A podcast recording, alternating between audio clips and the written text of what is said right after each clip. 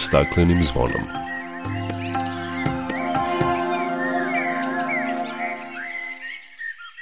Dobar dan i dobrodošli na Zeleni talas prvog programa Radija Radio Televizije Vojvodine. Ja sam Dragana Ratković. U ovonedeljnom izdanju emisije govorit ćemo o programu upravljanja otpadom u Republici Srbiji za period od 2022. do 2031. godine, o upravljanju medicinskim otpadom tokom pandemije. U temi emisije čućete kako modna industrija utiče na životnu sredinu i klimatske promene, o modnim navikama naših sugrađana, od čega se pravi odeća koju nosimo i šta je to održiva moda. Biće reći i o međunarodnoj investicionoj konferenciji posvećenoj energetskoj efikasnosti kroz korišćenje solarne i energije biomase održanoj u Novom Sadu, o selektivnom izlovu invazivnih vrsta riba u Paličkom jezeru, kao i o ozelenjavanju u Rumi. Toliko u najavi, o svemu opširnije nakon pozdravne pesme. Dok priroda kraj nas plače Za vladanskim svojim tronom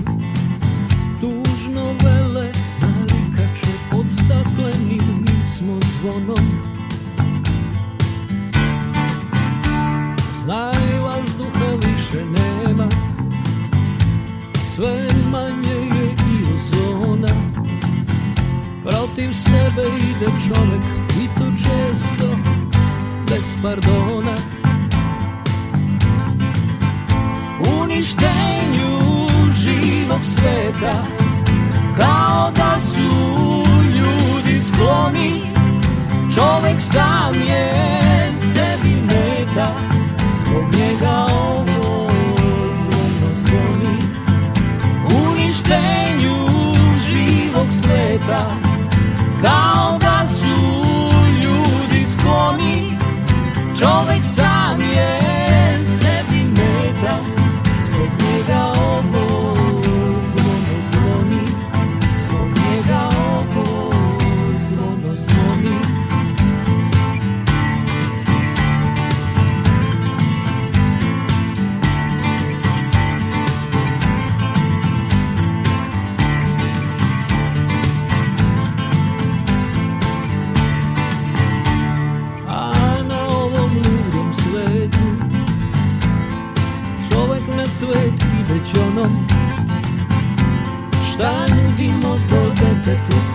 Od stakleni kad smo zvonom. Uništenju živog sveta. Kao da su ljudi skloni Čovek sam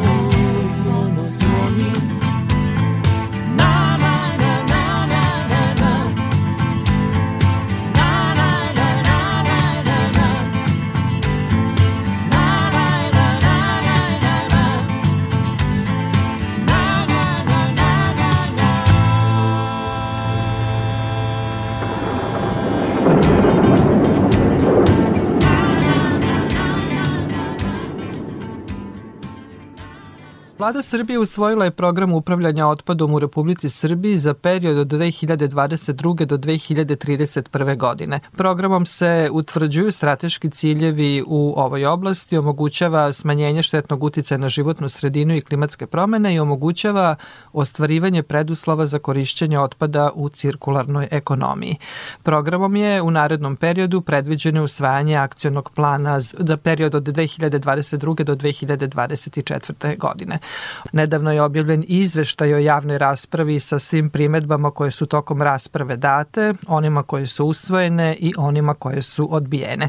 Tim povodom na telefonskoj liniji je Igor Jezdimirović, predsednik inženjera zaštite životne sredine koji godinama prati dešavanja u oblasti upravljanja otpadom. Igore, dobar dan i dobrodošli na talase Radio Novog Sada. Dobar dan i hvala najlepše na pozivu. Iako su zamerke organizacija civilnog društva bile usmerene na to da je bio veoma kratak rok za javnu raspravu jer se radi o obimnom dokumentu od 400 strana, stigle su brojne primetbe od kojih su neke prihvaćene, a neke su odbijene. Igore, vi ste pomno pratili dešavanja oko programa upravljanja otpadom. Recite nam šta je to od primetbi koje su nevladine organizacije podnele prihvaćeno, a šta odbijeno, odnosno kako izgleda sada program upravljanja otpadom? Prvo, ono što je jako bitno jeste da je Srbija dobila posle dve godine ćutanja administracije strateški okvir za upravljanje otpadom. Znači, poslednja strategija istekla je 2019. godine i 2020-2021. protekle su u jednoj apsolutnoj tišini i očekivanje da se ovaj program usvoji. Ovaj program je došao na javnu raspravu 23. decembra pred same praznike i ta javna rasprava se završila 11. januara i bila je praćena sa još dve javne rasprave za iste dva strateška bitna dokumenta, tako da se stvori jedan izuzetno veliki pritisak tokom ovih praznika da se ono što od kapaciteta u Srbiji postoji, a nije bilo direktno uključeno izgradnju ovoga i pitanje ovoga programa u prazničnom ovaj, periodu maksimalno angažuje. E, to je nekim delom i uspelo ili stigu 120 primetbi na strateški dokument od kojih je jedan deo usvojen. Mi smo konkretno kao organizacija poslali 19, šest je usvojeno, 11 nije, jedan je da kažem onako pojašnjen i jedan je delimično usvojen. Ono što je osnova neka pretpostavka kod ovog programa jeste da on treba da donese realne aktivnosti na terenu i ono što jeste glavna zamerka jeste što nije donet zajedno sa akcionim planom. Tačnije, o, na ovaj način vi imate sada šta bi bilo, kad bi bilo i šta se planira, međutim ne postoje konkretni rokovi, konkretne nadležnosti definisane šta je ko dužan da uradi, a to je nešto što akcijni plan treba da donese. Primete koje su date su dobrim delom, kažem, i usvojene tamo od strane ministarstva i to je jednim onako hrabrujuće te strane, neke su bile i tehničke prirode, neke su bile i suštinske prirode, ali je cilj upravo bio javne rasprave naših uključenja da taj dokument bude što svrsishodniji i da pokušamo da ono što smo izgubili u prethodnom periodu, tačnije ono što nismo uspeli da uradimo zahvaljujući prethodnoj strategiji koja je obećavala jako mnogo, sada u ovom narednom periodu ispunimo. Ono što je onako od onih primetbi koje su ostale, ajde kažemo, nedefinisane sa naše strane, jeste da smo imali priliku da krajem godine prisutujemo prezentaciji projekta Čisto Srbija, gde su prikazana dva postrojenja za energetsko iskorišćenje otpada koje su planirane u Nišu i u Kragujevcu. Na ovu primetbu smo dobili odgovor da ministarstvo nema zvanične informacije o takvim postrojenjima. Energetsko iskorišćenje otpada u mobilnim postrojenjima se prvi put pojavljuje u izmenama i dopunama zakona koje su pri samog programa ovaj, bile na javnoj raspravi i predstavlja ozbiljan problem koji se može desiti, pogotovo u nekom pokušaju rešavanja komunalnog otpada. Komunalni otpad je nadležnost lokalnih samuprava i to i ova strategija potvrđuje. Ono što, kažem, bez akcijnog plana je teško predvidjeti jeste koliko će stvarno biti u stanju lokalne samuprave da se izbore sa ovim problemom s obzirom da mnogi regioni još uvek nisu profunkcionisali, da se Srbija još uvek od planiranih dvadesetak sanitarnih deponija i dalje ima svega 11 i kada se one izgrade, kao što imamo primjer u Vranju, one vrlo brzo zatrpaju zato što ne postoji ceo sistem koji prethodi samome odlaganju otpada, a nadamo se da će upravo i akcijni plan predvideti da se taj problem prevazi. Pomenuli ste i izmene i dopune zakona o upravljanju otpadom i tu je javna rasprava završena. Dugo se čeka na izmene i dopune zakona o upravljanju otpadom. Da li je možda bilo bolje i svrsishodnije uraditi novi zakon?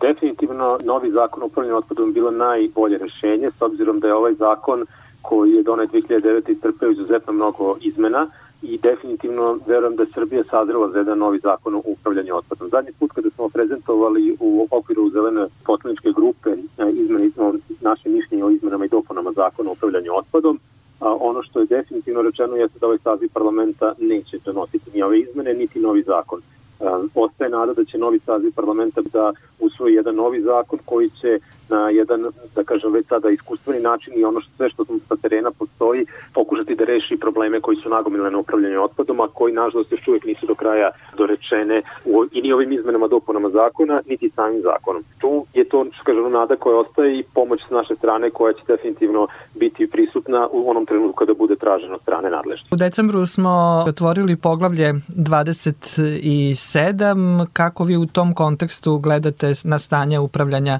otpadom kod nas? Šta nam je prvo činiti? Prva stvar koju moramo da imamo je da imamo jasnu političku volju i želju da se pitanje upravljanja otpadom reši. Trenutno stanje neodrživo, mi imamo izuzetno nagomilavanje, pogotovo komunalnog otpada, na, opet kažem, na nesanitarnim deponijima, na divljim deponijima koji su stalno u požaru, koji doprinose zagađenju vazduha i to je ono što jeste ključni problem. Mi se ne bavimo otpadom zato što nam je dosadno, nego zato što taj otpad koji neadekvatno odložimo utiče na naše zdravlje kroz utice na životnu sredinu. Znači ono što prvo mora da postoji, mora da postoji politička volja da se pitanje otpada reši. Kada krenu da pričaju o velikim ciframa, kako to mnogo košta, samo ću vas podsjetiti da svega 50% sredstava koje se uplate za različite naknade i takse oblasti životne sredine se vraća u životnu sredinu. I da je to takvo stanje od 2012. godine kad je ukinut fond za životnu sredinu, tačnije od tada je dogovoreno da ni ona sredstva koje se odvajaju za životnu sredinu se ne ulažu u životnu sredinu. Tako da pitanje sredstava je uvek aktuelno, ali s druge strane moramo biti svesni da ako hoćemo da imamo zdravu životnu sredinu i da imamo zdravu naciju, zdrave ljude, mi moramo u nju ulagati.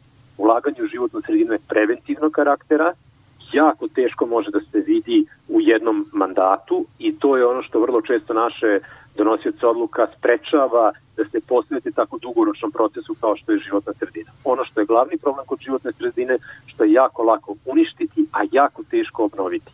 I ono što nažalost možemo da vidimo jeste da umesto da postoji jasna svest donosioca odluka da se mora zaštititi životna sredina, i da to što smo otvorili poglavlje 27 predstavlja jedan pozitivan korak koji sada treba iskoristiti da se fondovi koji postoje unutar Evropske unije iskoriste da se reše infrastrukturna neka pitanja koja mi imamo nažalost nedovoljno koristi. S druge strane, ono što je pohvalno jeste da vidimo da se budi građanska svest oko toga da se za zdravu životnu sredinu moramo izboriti. Očigledno je da su pitanja životne sredine postala prioritetna za građane e, Srbije, ali i nadam se da ćemo u budućnosti onda možda lakše rešavati ove probleme ako znamo da nam je to prioritet. Dakle, zdrava životna sredina i zdravlje e, građana Srbije. Igore, hvala vam lepo za razgovor i učešću u programu Radinog Sada.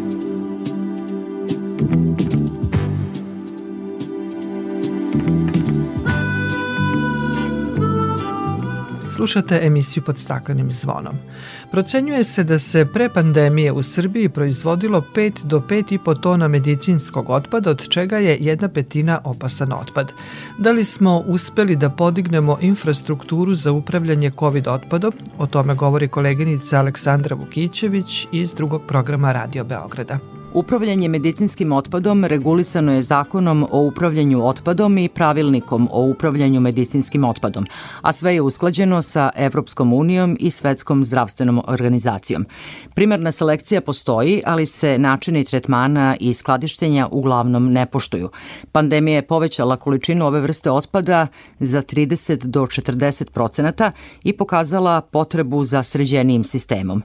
Građani su na početku pokazivali odgovornost, kaže Mirjana Todorović iz Ministarstva za zaštitu životne sredine. Imali smo mnogo pitanja u Ministarstvu zaštite životne sredine o pravilnom upravljanju medicinskim otpadom, posebno kod COVID pacijenata koji su bili na kućnom lečenju. Malte ne, takve pitanja smo dobijali svakodnevno.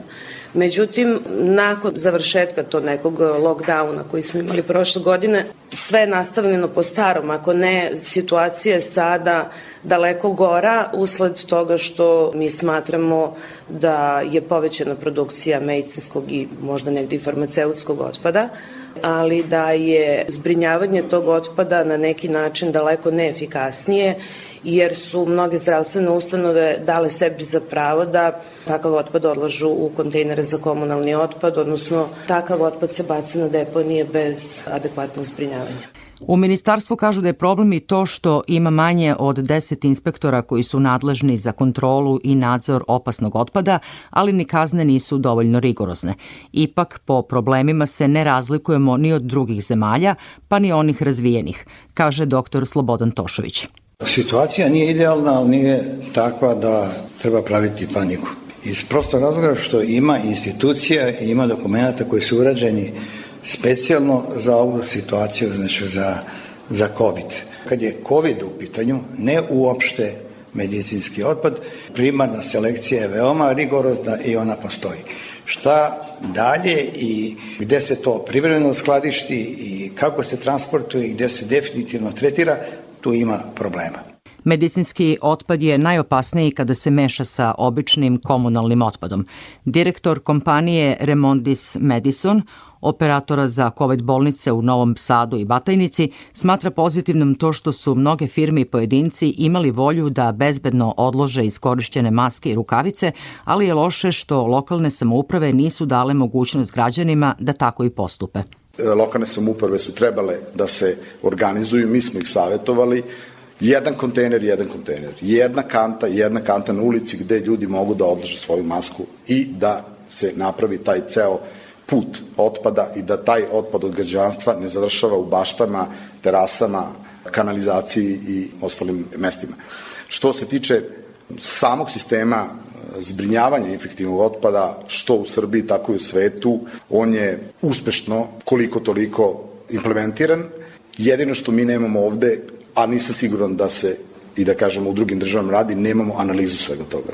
Komunalni otpad pomešan sa medicinskim je posebno problematičan za radnike gradske čistoće i sakupljače sekundarnih sirovina, podsjeća Siniša Mitrović iz Privredne komore Srbije. Mi zaboravljamo da taj komunalni otpad e, naši prijatelji, naše komšije koji su radnici gradske čistoće dolaze u dodir s tim, a namerno ovde hoću da potenciram i sakupljače sekundarnih sirovina koji su u dodiru sa e, potencijalno infektivnim otpadom koji se može generisati u kontejnerima i to je sada zatvoren krug. Sa Mitrovićem se slaže i Mirjana Todorović. Mi danas imamo situacije u kojima svako od tih 60.000 ljudi može da se zarazi koronom, time što će, pokušavajući da izvuče neku sekundarnu sirovinu iz kontejnera, da se ubode ili da se, da se zarazi jednostavno time što će da udahne virus sa, na primer, maramice koju je neko ko je zaražen koronom koristio.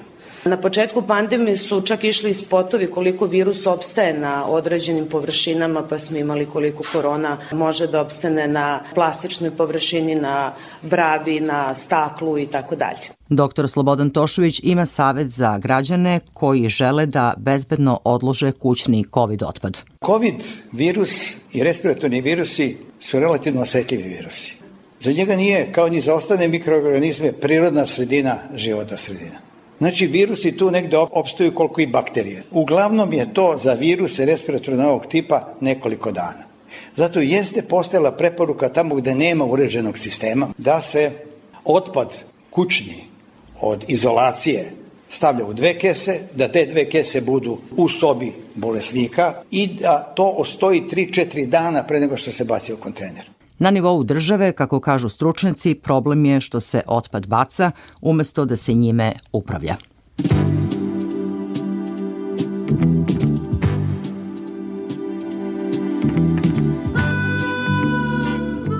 Javno komunalno preduzeće Čistoće u Novom Sadu ove godine ima u planu postavljanje 72 podzemna kontejnera na više lokacija širom grada, a treba da otpočne i izgradnja reciklažnog dvorišta na prostoru gradske deponije, izjavila je za naš program pod parolka tog preduzeća Daniela Jankov. Mi smo počeli sa rekonstrukcijom podzemnih kontejnera širom grada. Zapravo mi to radimo u toku cele godine u kontinuitetu, a podrazumeva zamenu nadzemnih kanti, džakova, odnosno uložaka kontejnera, kao i drugih delova kontejnera uključujući i prilaz njima. U saradnji s gradom Novim Sadom plan nam je da svakako radimo u cilju unapređenja i poboljšanja kompletnog do sada ponuđenog načina prikupljanja ambalažnog otpada, pa samim tim potrebno i taj otpad na gradskoj deponiji pravilno sortirati i balirati za predaju reciklerima. Naravno, to podrazumeva i povećane kapacitete koje očekujemo postavkom novih kontejnera, očekujemo povećanu količinu takvog otpada, pa samim tim i izgradnje reciklažnog dvorišta je u planu za ovu godinu. Nadamo se da će naši sugrađani imati lakši pristup svim kontejnerima, takođe nadamo se da ćemo podići ekološku svest obzirom da će moći da se razvrstava staklo i drugi ambalažni otpad. Eto, radimo u tom cilju.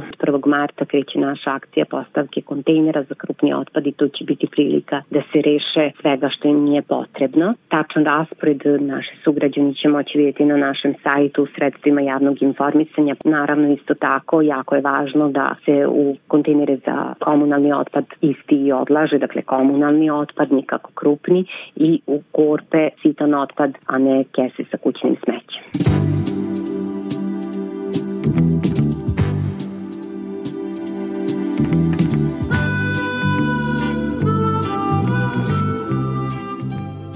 Učenici osnovne škole 1. oktobar u Vašeidu kod Kikinde učestvovali su u najvećoj sportskoj manifestaciji u Evropi, odnosno u edukativnom događaju pod nazivom Zero Waste budi deo igre Čuvajmo našu planetu. Manifestaciju su organizovale Dunav osiguranje sportske igre mladih, a cilj je bio da deca kroz sport nauče da brinu o zaštiti životne sredine. Iz Kikinde o tome Branislav Ugrinov. Učenici osnovne škole 1. oktobar u Bašaidu imali su priliku da učestvuju u sportsko-edukativnoj manifestaciji kako bi kroz poligone i savladavanje prepreka naučili više o vazduhu i vodi, biodiverzitetu, klimatskim promenama, reciklaži i uklanjanju otpada. Manifestaciju pod nazivom Zero Waste, budi deo igre, čuvajmo našu planetu, priredile su Dunav osiguranje sportske igre mladih. Naučila sam da smeće ne trebamo da bacamo po svuda po prirodi, nego u kantu za smeće. Meni je ovo super i mislim da, da je ovo baš nešto korisno za neke da nauče. Pre nego što uzmu auto, se voze da iskoriste malo svoju energiju da se prošetaju ili provoze biciklom. Cilj manifestacije je da se doprinese zaštiti životne sredine, da deca nauče neka nova rešenja u vezi sa uklanjanjem otpada, koji predstavlja ozbiljan izazov današnjice, smatra Marko Terzin, koordinator sportskih igara mladih. Pored sportskog nadmetanja imaće i jednu vrstu edukacije o ekologiji sa ciljem da se uh, stiču određena znanja uh, o zaštiti naše okoline i prirode. Deca u većim sredinama imala su priliku da na praktičan način više saznaju o zaštiti životne sredine. Zato se ovogodišnja kampanja kroz sport odvija i po školama u ruralnim područjima, podsjeća Dragan Pecarski, član gradskog veća zadužen za sport i omladinu. Jako je bitno da ova deca ovog uzrasta, znači kompletno osnovne škole, shvate koliko je bitno za zemlju i za planetu zagađenje, kako da je sačuvamo, a zaista to što ste rekli, kroz sport i kroz igru je najbolje da nauče takve stvari. U sklopu kampanje organizovat će se 35 ovakvih događaja u Srbiji na kojima će imati priliku da učestvuju deca osnovnih i srednjih škola, učitelji, nastavnici i građani.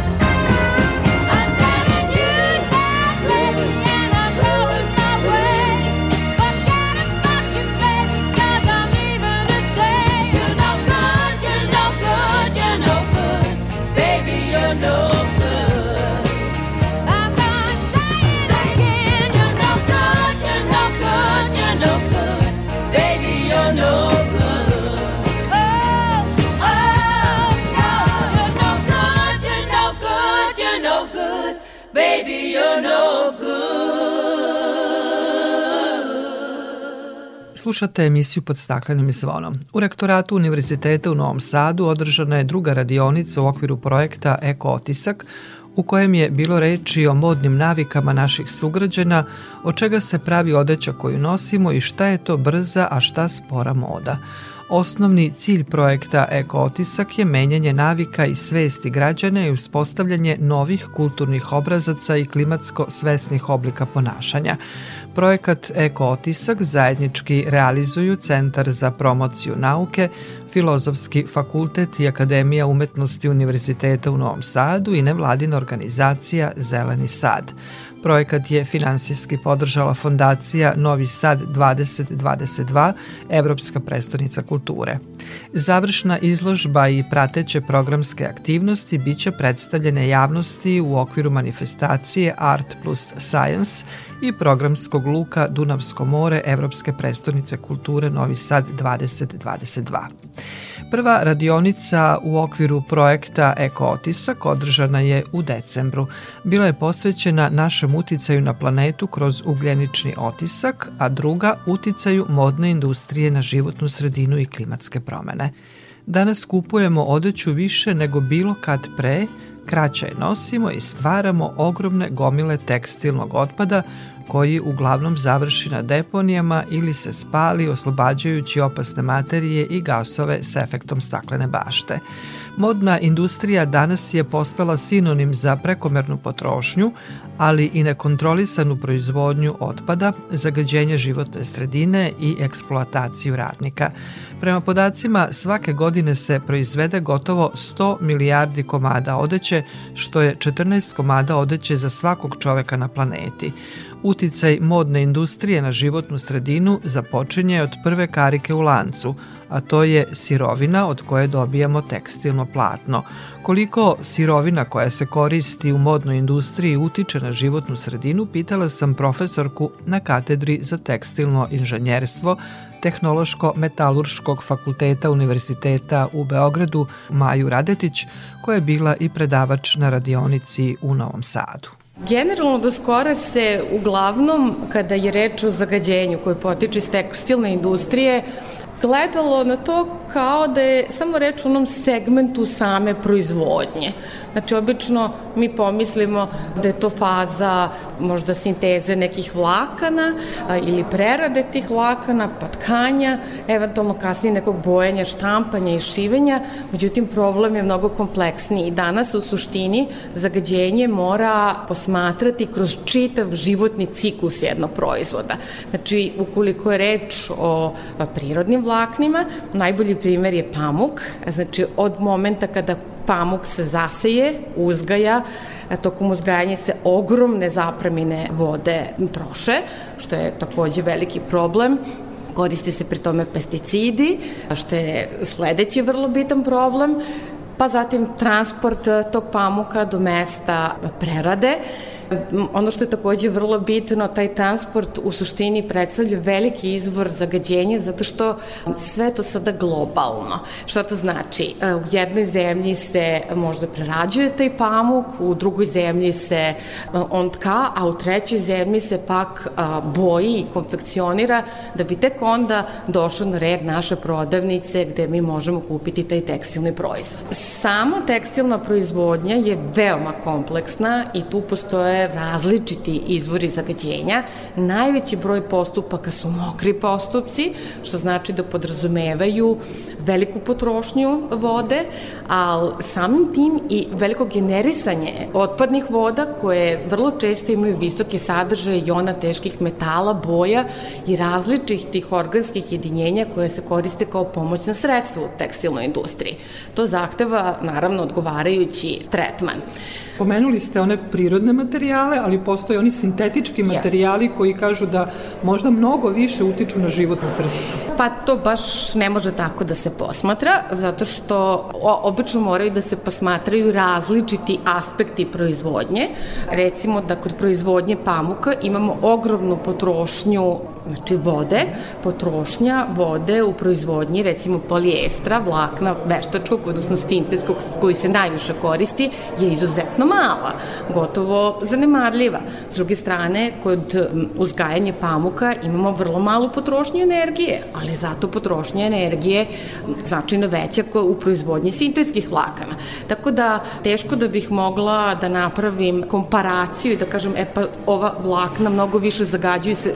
Ako posmatramo kasniji životni vek, a, to je e, druga priča, druga priča sa aspekta da će prirodna vlakna, koja su biorazgradiva, naravno i tokom te biorazgradnje je problem da će se izdvojiti ugljen dioksid, metan i drugi gasovi koji utiču na efekat staklene bašte i na klimatske promene i na globalno zagrevanje, a s druge strane sintetska vlakna predstavljaju problem jer se ona veoma sporo razgrađuju i pri tome mogu da se izdvajaju različiti proizvodi koji mogu da budu mutageni, karcinogeni, mogu da budu toksični i to jeste problem. I zavisnost od fosilnih goriva. I to ćemo osetiti. U principu sintetska vlakna, polazna sirovina za njih je nafta. Tako da mnogo toga zavisi i od cene nafte sad se nalazimo u situaciji gde će cena nafte da poskupi i to istog momenta utiče, tako, i na ovu e, industrijsku granu. Gde se mi kao potrošači nalazimo u toj celoj priči zagađenja životne sredine kada je tekstilna i modna industrija u pitanju? Mi smo zapravo najveći zagađivači, jedino što toga nismo svesni. Jedan ogroman procenat zagađenja koje se generiše tokom upravo tog čitavog uh, životnog veka, ciklusa jednog tekstilnog proizvoda potiče od naše eksploatacije. Pre svega od našeg, nažalost, neznanja kako se neguje i država odeća mnogo češće možda peremo nego što bi trebalo. Opet to jako zavisi od zemlje do zemlje kakve su navike, kakva je praksa. Recimo u Americi se jako često, u stvari najčešće koriste nakon pranja mašine za sušenje koje podrazumevaju jako veliku potrošnju energije. U Evropi ili recimo u Kini glavnom se suši e, onako kako mi e, sušimo na vazduhu, što je mnogo ekološki prihvatljivije i ekonomičnije. S druge strane, mi imamo naviku, recimo, da proizvode koji su od pamuka peremo na jako visokim temperaturama, za time nema potrebe. Dovoljno je prati na temperaturi, recimo, od 60 stepeni. Vi ćete danas videti na mnogim proizvodima u svetu jednu onako etiketu na kojoj se pojavljuje jedan slogan perite ređe, perite na nižoj temperaturi, time mislite na prirodu, ali automatski na svoje zdravlje, jer mi zaista ne možemo da posmatramo odvojeno životno okruženje od zdravlja ljudi. Tako da je na nama kao potrošačima s jedne strane e, da možda čitamo opreznije i odgovornije te deklaracije na samim proizvodima i da postupamo prema uputstvima koji su dati s jedne strane, a s druge strane jedna vrlo bitna stvar odnosi se i na proizvođače i na nas kao potrošače. Ja lično a i mnogi ljudi koji se bave ovom temom ozbiljno u svetu, mislim da je jedini način da tekstilna industrija i njen uticaj na životnu sredinu negativan, nažalost, da bude manji, da se redukuje, tako što će se za početak smanjiti proizvodnja, odnosno naša potrošnja odeće, jer prosto kupuje se odeća u ogromnim količinama danas u svetu, negde između 90 i 100 milijardi odevnih predmeta na godišnjem nivou proizvede, mnogo toga i ne dođe uopšte do prodavnica, ali e, prosto razviti svest da ne moramo impulsivno kupovati prema svom raspoloženju, već ciljeno i gledati da to budu što je moguće kvalitetniji proizvodi koji mogu da imaju što duži životni vek i da onog momenta kada mi izgubimo želju da nosimo taj proizvod, da ga ne bacamo zajedno sa komunalnim otpadom u kantu, nego ili poklonimo nekome ili doniramo nekoj dobrotvornoj organizaciji koja će dalje to sortirati dati nekim ljudima koje je to potrebno i dok god može taj proizvod da se nosi, to je jako bitno, to je jedan od osnovnih stubova novog ovog modela cirkularne ekonomije, znači se produže životni vek proizvoda, pa tek onda kada on više ne može da bude funkcionalan, tek onda treba razmišljati o reciklaži kao opciji. A na poslednjem mestu tek onda da odložimo na deponiju nešto što nam Deponija je zaista poslednja opcija kao i spaljivanje tekstilnog otpada, čak i spaljivanje bolje opcija u smislu ukoliko se iskorišćava energije, ukoliko postoje odgovarajući filteri koji bi negde sprečili da dođe do emisije štetnih gasova. Hvala vam lepo za razgovor što ste nam ukazali kako i mi sami utičemo na to da modna i tekstilna industrija doprinosi većem zagađenju životne sredine. Dakle, možemo mnogo toga sami da sprečimo. Možemo. Ja imam običaj da kažem moto kupujem, dakle postoji, nije više u modi. Hvala najlepše. Hvala vam.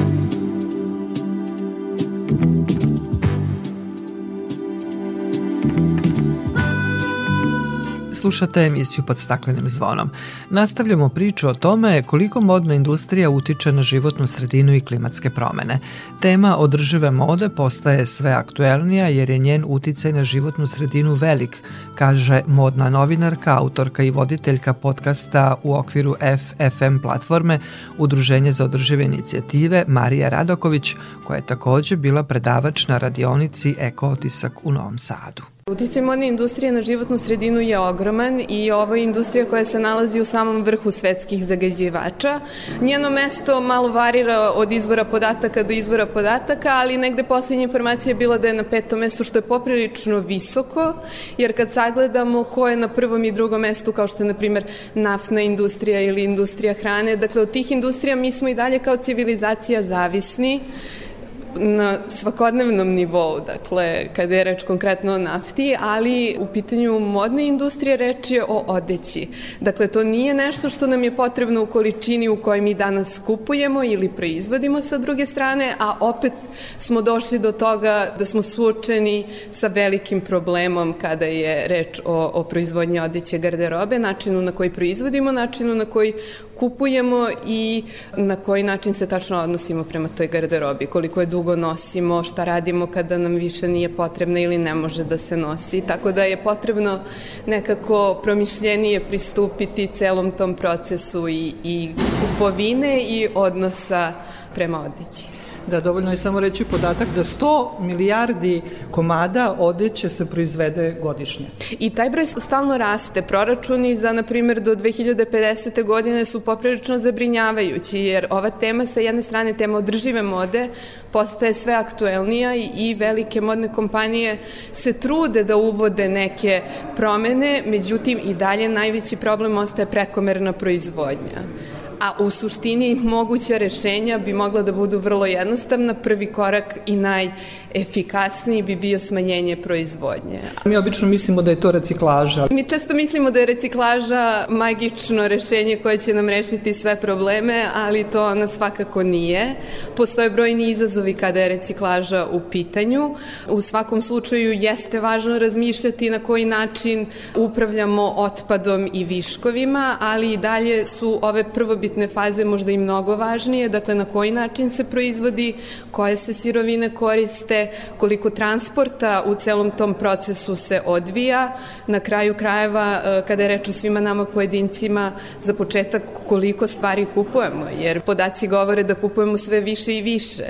Negde postoji neki proračun da e, se kupovina odeće povećala za 200 puta u posljednjih 20 godina, što je poprilično zabrinjavajuće. Da, zabrinjavajuće upravo zbog toga uticaju modne industrije na klimatske promene razgovaralo se i na poslednjoj konferenciji Ujedinjenih nacija o promeni klime u Glazgovu. Postoji povelja Ujedinjenih nacija koja je usklađena sa principima Parijskog sporazuma, dakle to sve govori o tome koliki je uticaj modne industrije na klimatske promene. Tako ja, ali tu postoji još jedna stvar, za razliku od drugih industrija najvećih zagađivača, kao što već sam spomenula naftna industrija, U pogledu modne industrije rešenja bi mogla vrlo brzo da se primene ukoliko bi postojala spremnost prvenstveno modnih kompanija da menjaju svoje prakse ne samo smanjenje proizvodnje, kada pričamo o održivosti, veliki, veliki uh, udeo u toj temi jesu radna prave i uslovi rada. Dakle, to je nešto što bi odmah moglo da se promeni ukoliko bi postojala spremnost I u tom smislu modna industrija meni je drago što je zanimljiva i ljudima koji se nalaze na pozicijama donošenja odluka, ali ono što je potrebno jeste brža akcija i brže donošenje nekih i regulativa i kako bi to dalje moglo i u praksi da se sprovodi. Povelja Ujedinjenih nacija koju sam pomenula, koja se odnosi na modnu industriju, povezane sa Parijskim sporazumom, ali nije obavezujuća. Treba bi biti optimističan i reći ovo je super što se desi desilo, međutim moramo da imamo u vidu da su u pitanju velike modne korporacije i današnji globalni sistem u kom mi funkcionišemo gde krupni kapital ima uticaja.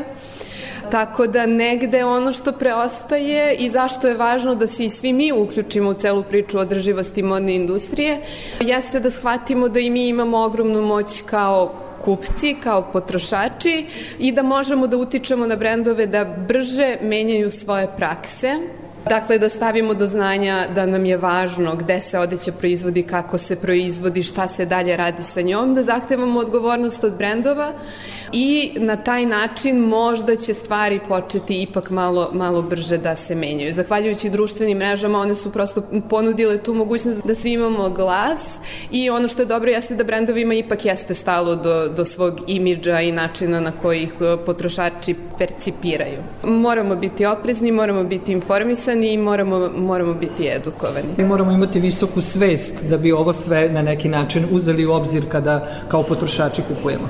Jeste. Ne nekako sa jedne strane današnji taj sistem brze mode u kom se nalazimo, prosto imamo sa jedne strane hiperprodukciju odeća, sa druge strane hiperkonzumerizam. Dakle, u prethodnom periodu, u prethodnih recimo 30 godina, brendovi brze mode e, iz godine u godinu povećavaju količinu proizvodnje iz jednostavnog ekonomskog razloga, jer što je e, veća količina proizvodnje, toliko je cena po svakom faktoru proizvodnje niža.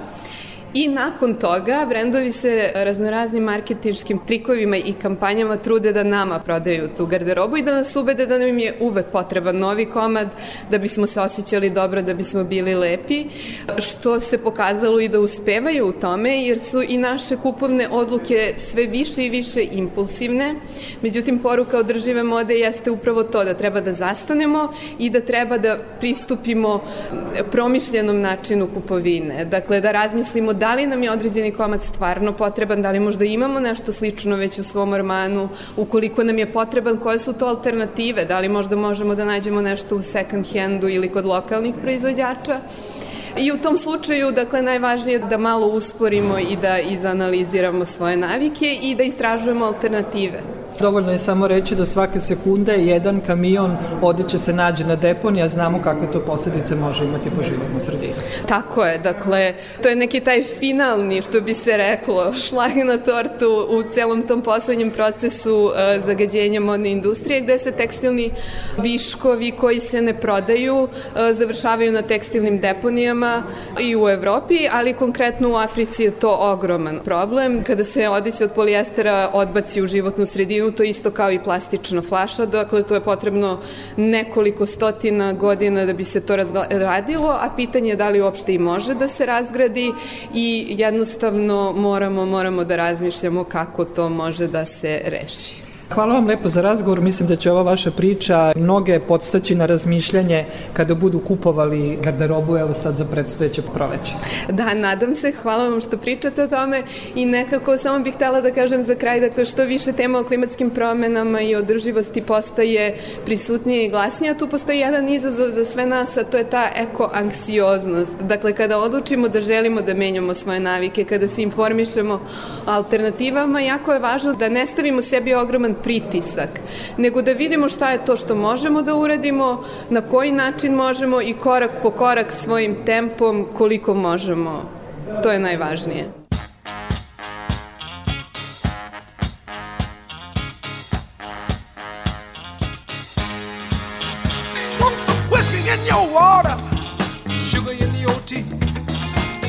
What's all these crazy questions you asking me?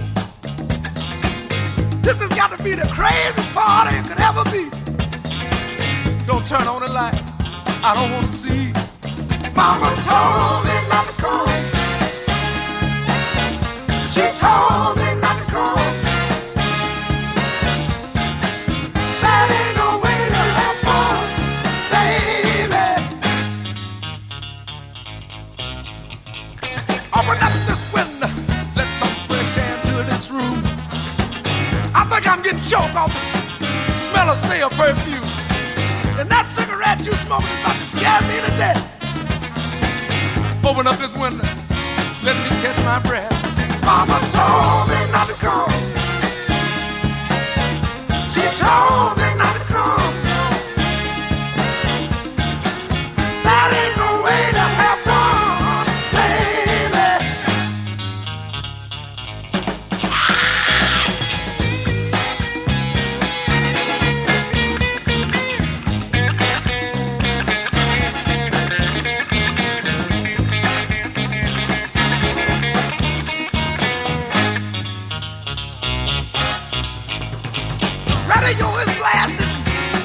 knocking at the door. I'm looking around at my girl and she done passed out on the floor. I seen things here that I ain't never seen before. All I know is I don't want to see them no more. Mama told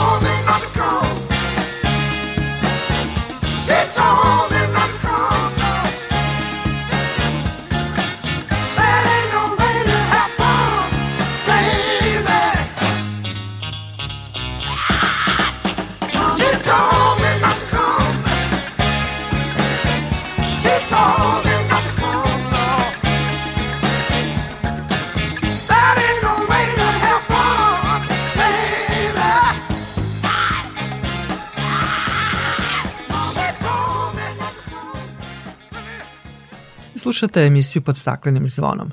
Da bi dostigli cilj utvrđen Parijskim sporazumom o zadržavanju prosečne globalne temperature na 1,5 stepen Celzijusa do kraja veka i da bismo bili klimatski neutralni do 2050. korišćenje fosilnih goriva mora da se smanji 75%. Srbija kao članica energetske zajednice ima obavezu da do 2030. od ukupne potrošnje energije 32% bude iz obnovljivih izvora, rečeno je na Međunarodnoj investicionoj konferenciji posvećenoj energetskoj efikasnosti kroz korišćenje solarne i energije biomase održanoj u Novom Sadu. O tome Branka Dragović-Savić. Solarni paneli, osim toga što umanjuju mesečne račune za struju, doprinose čistijoj i zdravijoj životnoj sredini, dok su resursi za biomasu u Srbiji značajni. I ta kombinacija najefikasnija je za razvoj bioenergetskog tržišta i uspostavljanje cirkularne ekonomije, istakla je Nataša Rubežić, predsednica Nacionalne asocijacije za biomasu Serbio, koja je organizator konferencije proizvodnja energije iz obnovljivih izvora gde se pokazuje najbolji efekat u kombinaciji izvora, znači zbog toga smo priključili solarnu energiju kao jedan vid energije koji treba iskoristiti u kombinaciji sa biomasom i dobiti najbolji energetski efekat, odnosno najjeftiniju energiju. U biomasu spada ne samo poljoprivredni šumski ostatak, nego i komunalni otpad i to jeste najbolji oblik cirkularne ekonomije. Znamo da je Evropa usvojila strategiju strategiju da do 2050. godine pređe u potpunosti sa linearne na cirkularnu ekonomiju. Ona je ukazala da je ipak za značajnije učešće biomase u proizvodnji energije ključno da na taj sistem pređu toplane u celoj zemlji u našoj zemlji već imamo određene privredne delatnosti koje su primenile ovaj princip rada. Što se tiče biomase i uče, sada to učešće se značajno povećalo, značajno. 2012. nismo imali u suštini uh, proizvodnju energije iz biomasi, ali danas imamo već u Vojvodini preko 12 megavata kogenerativnih prostorjenja koji proizvode energiju. Imamo sada već nekoliko toplana koje su u potpunosti prešle na energent biomase, ali da kažemo, e sad smo došli do 10, 12, 15%, moći ćemo tek kada stvarno ene, o, toplane u našoj zemlji počnu da koriste ovaj energent. Na konferenciji o bioenergetskom tržištu navedeno je da je biomasa najznačajniji izvor obnovljive energije jer čini čak 61% sadašnjeg potencijala obnovljivih energenata u Srbiji. Takođe, ukazano je i da novi zakon o korišćenju obnovljivih izvora treba da omogući više solarnih panela na porodičnim kućama, stambenim zgradama, ali i proizvodnim pogonima, jer će procedura za njihovu ugradnju biti kraća i jednostavnija nego ranije. Slušate emisiju pod staklenim zvonom. Na Paličkom jezeru je u toku peti selektivni izlov invazivnih vrsta riba. Radi se o kampanji koja se sprovodi u okviru projekta Eko Lakus, koji ima za cilj zaštitu biodiverziteta i voda jezera Palić i Rudaš. O tome Kristijan Takač. Aktuelna kampanja izlova ribe u četvrtom sektoru Paličkog jezera, ukupno peta u okviru Eko Lakus projekta, počela je 7. i završava se 28. februara. Radnici javnog preduzeća Palić Rudaš su samo iz jedne mreže izvadili između 800 i 900 kg ribe, a od početka kampanje više od 20 tona. Posao se nastavlja u septembru sa još jednom kampanjom izlova ribe, ali su već i dosadašnje pokazale da invazivnih vrsta riba ima mnogo više nego što su to mogli da predvide na početku projekta. Objašnjava direktorka javnog preduzeća Palić Ludaš Marta Dobo pre za početka projekta bila je ideja da će se 50 tona e, babuški izvaditi pa iz Palikog jezera i onda ćemo završiti selektivni izlov. Međutim, sad smo već i 200 tona prešli, znači ne možemo da zamislimo koliko ribe ima, ali naravno to sa monitoringom ćemo pratiti, kao što smo i do sada pratili. Selektivni izlov ribe ima za cilj da se smanji broj nepoželjnih vrsta riba, pre svega babuške, a paralelno sa tim poslom se vrši poribljavanje. Plemenita riba koja se nađe u mrežama vraća se u jezero, kaže stručni saradnik preduzeća Tama Švinko. Naravno u ovim mrežama uvek se nađu, što je dobro, znači dobar znak, nađu se i domaće, naše domaće vrste, znači ima tu dosta ovaj šarana, smulja naravno, što i svaki pecaroš može da potvrdi, da ima baš dosta i lepih primeraka. Ponekad nađemo i štuku, što opet dobar znak, jer štuka je osetljiva vrsta i razne druge vrste, ali u manjim količinama. Projekat Eko Lakus inače ulazi u samu završnicu. Radi se o kompleksnom projektu koji pre svega ima za cilj zaštitu biološke raznovrsnosti u jezerima Palić i Ludaš. A koliko su sve preduzete mere imale efekta, tek treba da saznamo. Objašnjava stručni konsultant na ovom projektu Marko Stojčić. Podsjetio bih samo da je procenjeno vreme zadržavanja vode u Paličkom jezeru oko 9 meseci. Znači ono što sada uđe u jezero tek će za 9 meseci da izađe. Stoga je potrebno sačekati još jedno određeno vreme da se pun uticaj i efekat svih mera koje su bile sprovedene u okviru projekta i pokažu u stvarnosti. Voda u jezeru Palić je sve bolje kvaliteta, a to, kako kažu u javnom preduzeću Palić Ludaš, ne potvrđuju samo analize, već i pecaroši, veslači i jedriličari. Koliko je ta voda pogodna za kupanje, to će takođe pokazati analize nakon završetka projekta Ekolakus. I za kraj emisije o akciji ozelenjavanja u Rumi. Javno komunalno preduzeće Komunalac u Rumi otpočelo je ozelenjavanje javnih površina. Akcija je počela sadnjom 50 stabala lipe duž glavne ulice u tom gradu. Pored toga, predviđeno je uređenje zelenih površina i održavanje drvoreda. O tome Jovana Stupar. Uređenje i ulepšavanje glavne ulice u Rumi nastavljeno je akcijom sadnje novih 50 sadnica lipe. Postojeći drvored biće upotpunjen, a Rumljani pozitivno ocenjuju ovu akciju jer će imati priliku da uživaju u hladu i mirisu lipa već s proleća. Pa kako neće izgledati? Izgledat će bolje, imat ćemo i hladovinu. Šta da kažem drugo, čisti zrak, sve. Super je, super je. Sve što su radili super je. Kako je bilo, super je. Izgledat će lepša. Izgledati lepše i korisnije će biti. Dve godine nakon rekonstrukcije glavne ulice došla je na red i sadnja nedostajućih stabala u drvoredu Lipa, što će svakako upotpuniti postojeći drvored po kome je Ruma i poznata. E, nedostajalo je određeni broj stabala, nabavili smo, odnosno bolje rečeno, kupili smo 50 stabala sitnoliste lipe i sadimo ih u narednom periodu od par dana kako bi popunili sva ona mesta gde su stabla nedostajala, odnosno gde smo morali da srušimo zbog bolesti neka stabla. Lep izgled, funkcionalnost kao i zaštita životne sredine svakako predstavljaju prioritet lokalne vlasti opštine Ruma i akcija ozelenjavanja u celoj opštini je svesrdno podržana. Pored dopunjavanja drvoreda sa 50 novih sadnica lipe u glavnoj ulici, tokom akcije ozelenjavanja Rume planirani su i radovi na postavljanju takozvanih tepih travnjaka, uređenje izletišta Borkovac, kao i obnova sadnica kestena u Železničkoj ulici. Toliko u ovom izdanju emisije pod staklenim zvonom koju možete slušati i odloženo na podcastu Radiotelevizije Vojvodine na adresi rtv.rs. Na pažnji vam zahvaljuju Aleksandar Sivč, Zoran Gajinov i Dragana Ratković. Naredni susret zakazujemo za sedam dana u isto vreme na zelenom talasu prvog programa radija Radio Televizije Vojvodine. you